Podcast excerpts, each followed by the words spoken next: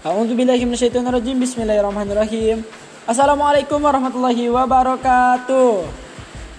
Inilah dia podcast saya Muhammad Tijar.